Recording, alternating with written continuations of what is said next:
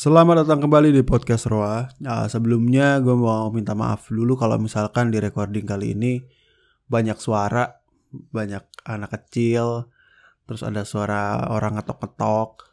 Karena gue record ini di pagi hari dan ini nggak lama setelah gue bangun tidur, gue langsung recording ini. Biasanya gue recording itu malam-malam, jadi minim noise. Tapi gue pengen record sekarang karena mumpung kepikiran buat bikin gitu. Nah, untuk episode kali ini gue ingin menceritakan tentang gue merintis project baru, sebuah wadah community based tentang uh, damai dan resolusi konflik. Sebelumnya gue ceritakan dulu kenapa gue kepikiran untuk membuat uh, project ini. Jadi awalnya dikarenakan kekhawatiran gue tentang bagaimana uh, apa ya informasi dalam publik itu simpang siur dan gue udah juga menceritakan tentang kekhawatiran gue Indonesia menjadi masyarakat yang lebih percaya terhadap keyakinannya daripada apa yang terjadi di lapangan.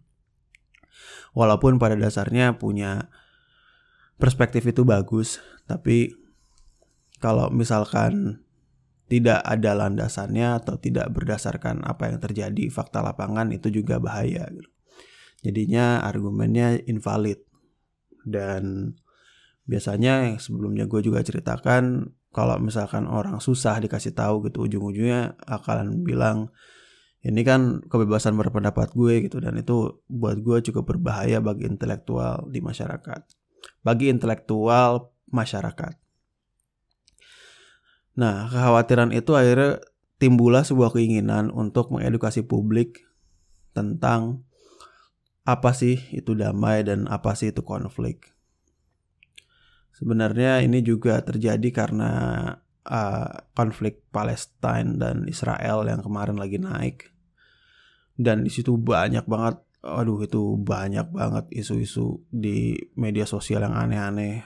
Pendapat orang udah aneh-aneh Terus udah gitu tentang R2P juga responsibility to protect itu juga orang apa ya benar-benar uh, randomly giving their arguments tapi tidak berdasarkan apa yang terjadi gitu. Jadi cuma lihat judulnya doang langsung aja bikin argumen.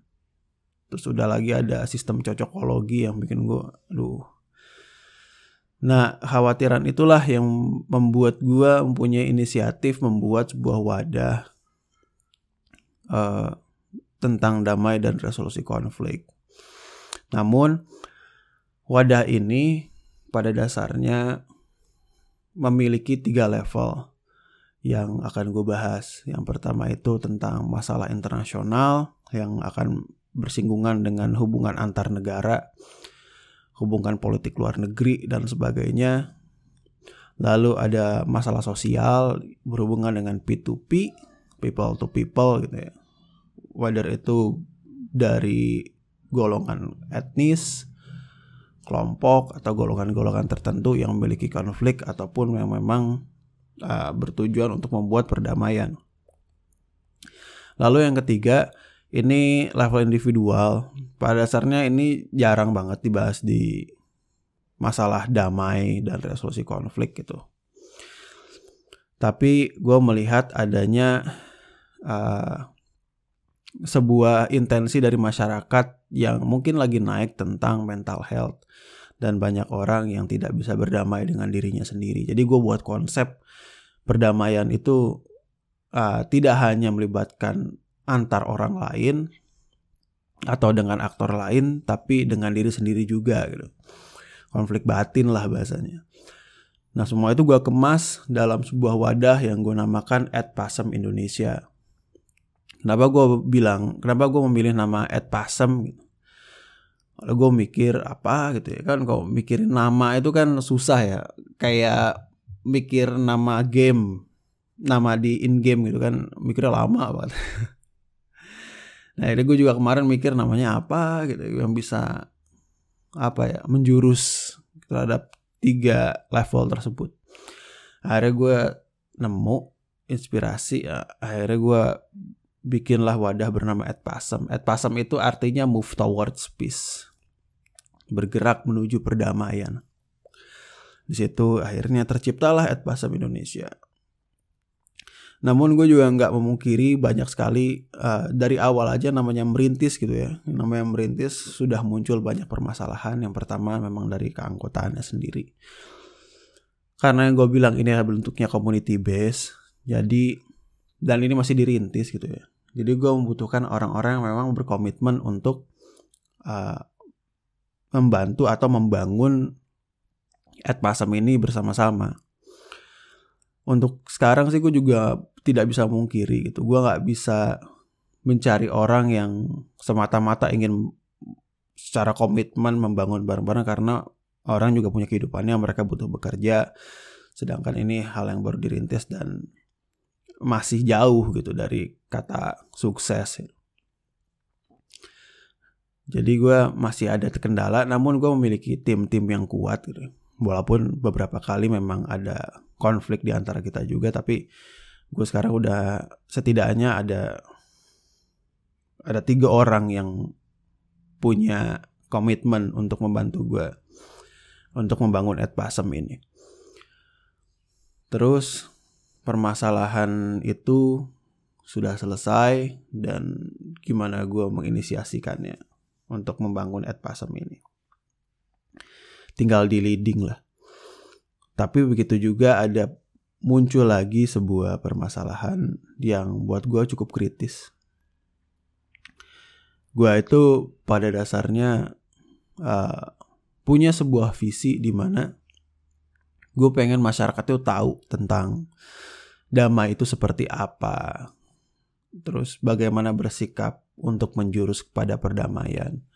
Bagaimana uh, cara uh, berargumentasi secara damai supaya nggak ada konflik.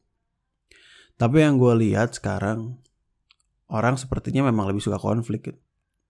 Gue sih idealismenya kalau misalkan pengen ini naik cepet gitu ya, gue bisa aja bahas tentang konflik-konflik yang ada di Indonesia atau yang ada di internasional. Cuman uh, eh, gue ada sebuah kekhawatiran lagi gitu. Kalau misalkan instead of move towards peace, kita malah jadi move towards conflict gitu. Gue ada kekhawatiran itu. Walaupun pada dasarnya ya bisa aja diarahin. Jadi bagaimana orang mengenal konflik itu dan bagaimana cara bersikapnya. Bisa aja seperti itu. Tapi ini masih gue telah lebih lanjut. Gue masih banyak belajar. Satu kesalahan gue adalah gue tidak membangun fondasi ini dari dengan skema research. Dengan skema yang terstruktur. Jadi gue bikin bikin aja udah. Mungkin itu satu kesalahan gue juga cuman uh, ini gue masih harus belajar juga. Lalu ada lagi permasalahan tentang uh, topik yang dibahas. Memang uh, yang kita apa ya? Yang kita bahas itu kan tentang damai dan konflik gitu ya. Secara garis besar ini kan masih terlalu luas. Sangat luas konflik itu juga pada dasarnya tidak hanya yang bersifat apa tidak hanya yang bersifat orang gebuk-gebukan atau sampai ada uh, kerusuhan namun juga ada namanya konflik kepentingan terus ada juga memang konflik antar ideologi dan sebagainya jadi memang yang mungkin nggak banyak orang tahu gitu ya konflik itu pada dasarnya tercipta dari suatu hal yang bergesekan. Nah, hal yang bergesekan ini tuh bisa luas banget. Yang membuat jadi tantangan untuk gue adalah bagaimana gue memilah uh, untuk mengangkat tema yang dibahas atau untuk mengangkat pembicaraan. Karena salah sedikit aja gue rasa ini akan melenceng dari apa yang seharusnya gue bahas itu contoh banyak sekali konflik yang berkaitan dengan politik orang mungkin adanya ketidakpercayaan antara pemerintah dan masyarakat itu yang menciptakan sebuah konflik. Namun kalau misalkan gue tidak rapi dalam mengemas temanya itu akan malah jadi ngebahas tentang politik bukan membahas tentang damai dan resolusi konflik. Ini yang membuat gue apa ya harus lebih jeli lagi dalam membuat skema bagaimana ad pasem Indonesia ini akan berlanjut. Karena gue sendiri juga sebenarnya mungkin gue orang terlalu itu ya terlalu lurus gitu, terlalu lurus. Gue nggak gue kurang kemampuan untuk uh, mepet-mepet sana sini. Tapi and again, gue juga orangnya uh, sangat pesimistik mungkin. pesimistik takutnya gini takutnya gitu padahal kalau misalnya dilakuin ya lakuin aja gue masih terlalu takut untuk uh, menyinggung hal yang berbeda. Gak takut salah arah gitu. Karena gue juga sebenarnya sama rekan gue udah diwanti-wanti dari awal. Kalau misalkan nanti sudah berjalan ada akan ada kecenderungan untuk berubah haluan. Nah, ini udah terjadi di podcast gue sendiri gitu. Tapi ya uh, ya ya untuk sekarang gue pengen lebih rapi aja dalam membangun Adpasem Indonesia. Yang gue pikirkan cuma satu ya gue pengen mengedukasi masyarakat aja. Gue pengen lebih, masyarakat tuh dapat intinya tapi dengan bahasa yang lebih mudah. Karena salah satu permasalahan dari informasi yang diterima oleh masyarakat adalah media. Kalau misalkan kita singgung media, kita bedah gitu. Secara simpel, secara sederhana, media itu kan punya kewajiban untuk memberikan informasi kepada publik. Dan informasi tersebut harus yang kredibel. Itu sebuah kewajiban dari media. Namun tidak dapat dipungkiri juga media tahu bahwasannya memang pasarnya itu adalah masyarakat secara luas. Kalau misalkan media itu ingin meminfor, ingin menginformasikan kepada publik tentang suatu hal itu harus dikemas secara sederhana. Nah, karena kesederhanaannya itulah terkadang memang informasi yang diberikan itu tidak tidak lengkap. Hanya sepotong, sepotong, sepotong. Yang penting masyarakat paham. Karena gue nggak yakin gitu ya, kalau misalkan ada sebuah media massa gitu, memberikan sebuah kajian akademis kepada masyarakat, masyarakat belum tentu paham apa it, apa yang dibicarain itu kan belum tentu paham juga. Itu menjadi sebuah masalah. Makanya media itu memilah untuk bukan memilah, media itu memiliki sikap untuk mensimplify dari sebuah permasalahan. Tapi kita juga tahu bahwasanya media itu media itu memang butuh views, butuh pembaca, butuh penonton butuh konsumen yang akhirnya terciptalah sebuah sistem di mana media memberikan apa yang paling men-trigger masyarakat. Apa yang paling membuat masyarakat tuh ingin baca.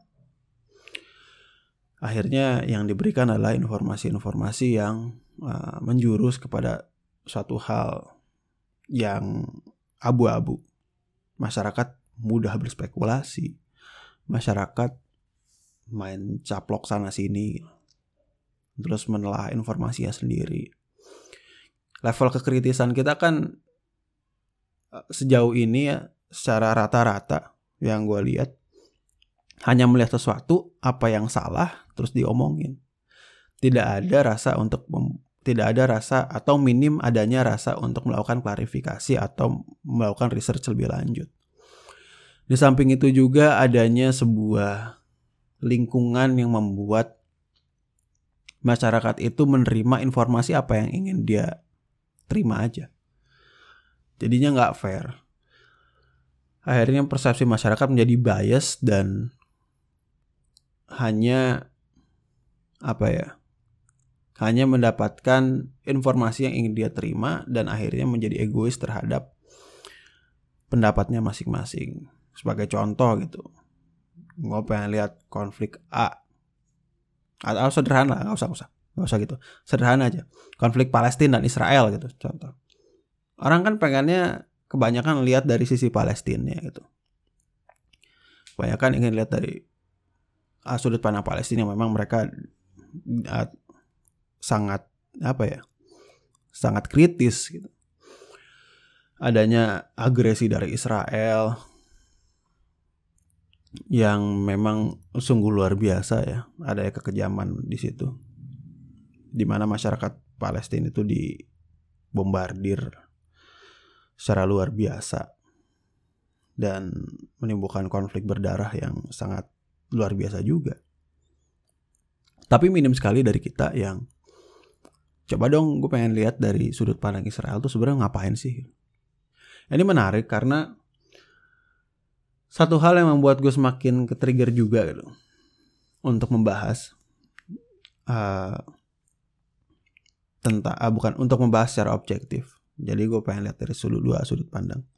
Kemarin gue uh, kontakan gitu gue telepon sama temen gue yang lagi di Jepang di Kobe. Ketika gue tanya tentang konflik isu Israel Palestina yang gue tanya pendapat lo gimana? Terus dia bilang kalau gue ngelihat isu Israel Palestina gue pengen lihat sudut pandang Zionismenya waduh gimana tuh maksudnya? Iya kenapa Israel bisa melakukan seperti itu? Dasarnya apa? Itu yang membuat gue percaya bahwasanya ada orang yang memang mau melihat semua itu secara objektif dan uh, my hope is not finished. Gue merasa itu yang ingin gue tekankan di Adpasam Indonesia juga bagaimana gue pengen melihat adanya dua sudut itu. Jadi ke mana-mana ngomongnya. Nah, tapi you get my point lah. Kembali ke Adpasam Indonesia. Jadi gue harap Adpasam Indonesia ini menjadi sebuah wadah media informasi di mana masyarakat bisa menerima informasi itu secara full. Namun secara simpel juga. Gue ingin mengemas ini dalam dengan cara yang sangat mudah diterima masyarakat dengan pembicaraan ringan, dengan pembicaraan yang bersifat persuasif untuk orang mengemukakan komentarnya secara kritis. Dan cara gue untuk menyebarkan ini masih sederhana pada dasarnya hanya bermodalkan Instagram dan podcast karena sejauh ini itulah yang gue bisa. Tapi tidak menutup kemungkinan juga gue punya apa ya sebuah uh, rencana di masa mendatang, rencana jangka panjang gue ingin membuat website dan YouTube channel sendiri. Tapi karena ini masih kecil sekali, tim gue masih kecil sekali, jadinya yang sederhana aja dulu karena gue juga percaya bahwasanya semakin banyak hal yang harus dilakukan, semakin ribet melakukan sesuatu, itu akan semakin sulit untuk membuat komitmennya. Jadi lebih baik gue mulai dari yang mudah-mudah dulu aja. Gue lihat apakah ini akan jalan, apakah ini akan konsisten. Baru ketika gue sudah memiliki tim yang lebih kuat lagi, ketika kita sudah menemukan jati diri kita, barulah kita akan membahas tentang uh, website dan YouTube channel. Kemarin juga gue sempat bingung kan, apa yang harus gue bahas. Gue tuh ada keinginan untuk membahas isu KPK gitu, tapi itu bukan ranahnya gue gitu. Gue pikir kita apa gue bisa lihat apa yang akan terjadi terkait dengan konflik apabila KPK seperti ini apa yang menjadi respon masyarakat dan itu akan menjadi sebuah konflik juga karena pada dasarnya kan pemerintah punya sosial kontrak dengan masyarakatnya. Kalau misalnya sosial kontrak itu hilang, otomatis uh, konflik akan terjadi antara pemerintah dan masyarakat. Namun yang sangat gue wanti-wanti juga ya, itu tadi. Takutnya ini malah menjadi bahas politik bukan bahas konflik bukan bahas damai dan resolusi konflik lagi tapi kan menjadi sebuah platform politik. Dan kalau misalkan gue masuk ke situ gue akan semakin kehilangan uh, Ed Pasem Indonesia akan semakin kehilangan jati dirinya. Dari awal. Itu menjadi sebuah khawatiran lebih. Jadi itu yang ingin gue share di episode kali ini. Suara gue juga masih apa ya, masih berat-berat gimana gitu. Mungkin gue akan terdengar sangat jantan dalam episode kali, tapi enggak lah. Gila aja gue jantan coy, suara gue cempreng kayak gini. tapi ya udahlah. Mohon maaf sekali lagi. kalau misalkan banyak sekali suara kalau misalkan banyak noise dan emang episode ini tidak dibuat dengan proper ini hanya karena gue pengen bikin aja. Dan langsung akan gue up habis ini. Sekarang jam 9 pagi. Setelah ini akan gue edit sedikit di bagian noise-nya tapi untuk pembicaraan gak akan ada yang gue cut seperti biasa. Supaya suaranya lebih proper terdengar lebih jelas juga. Tapi setelah itu akan gue up langsung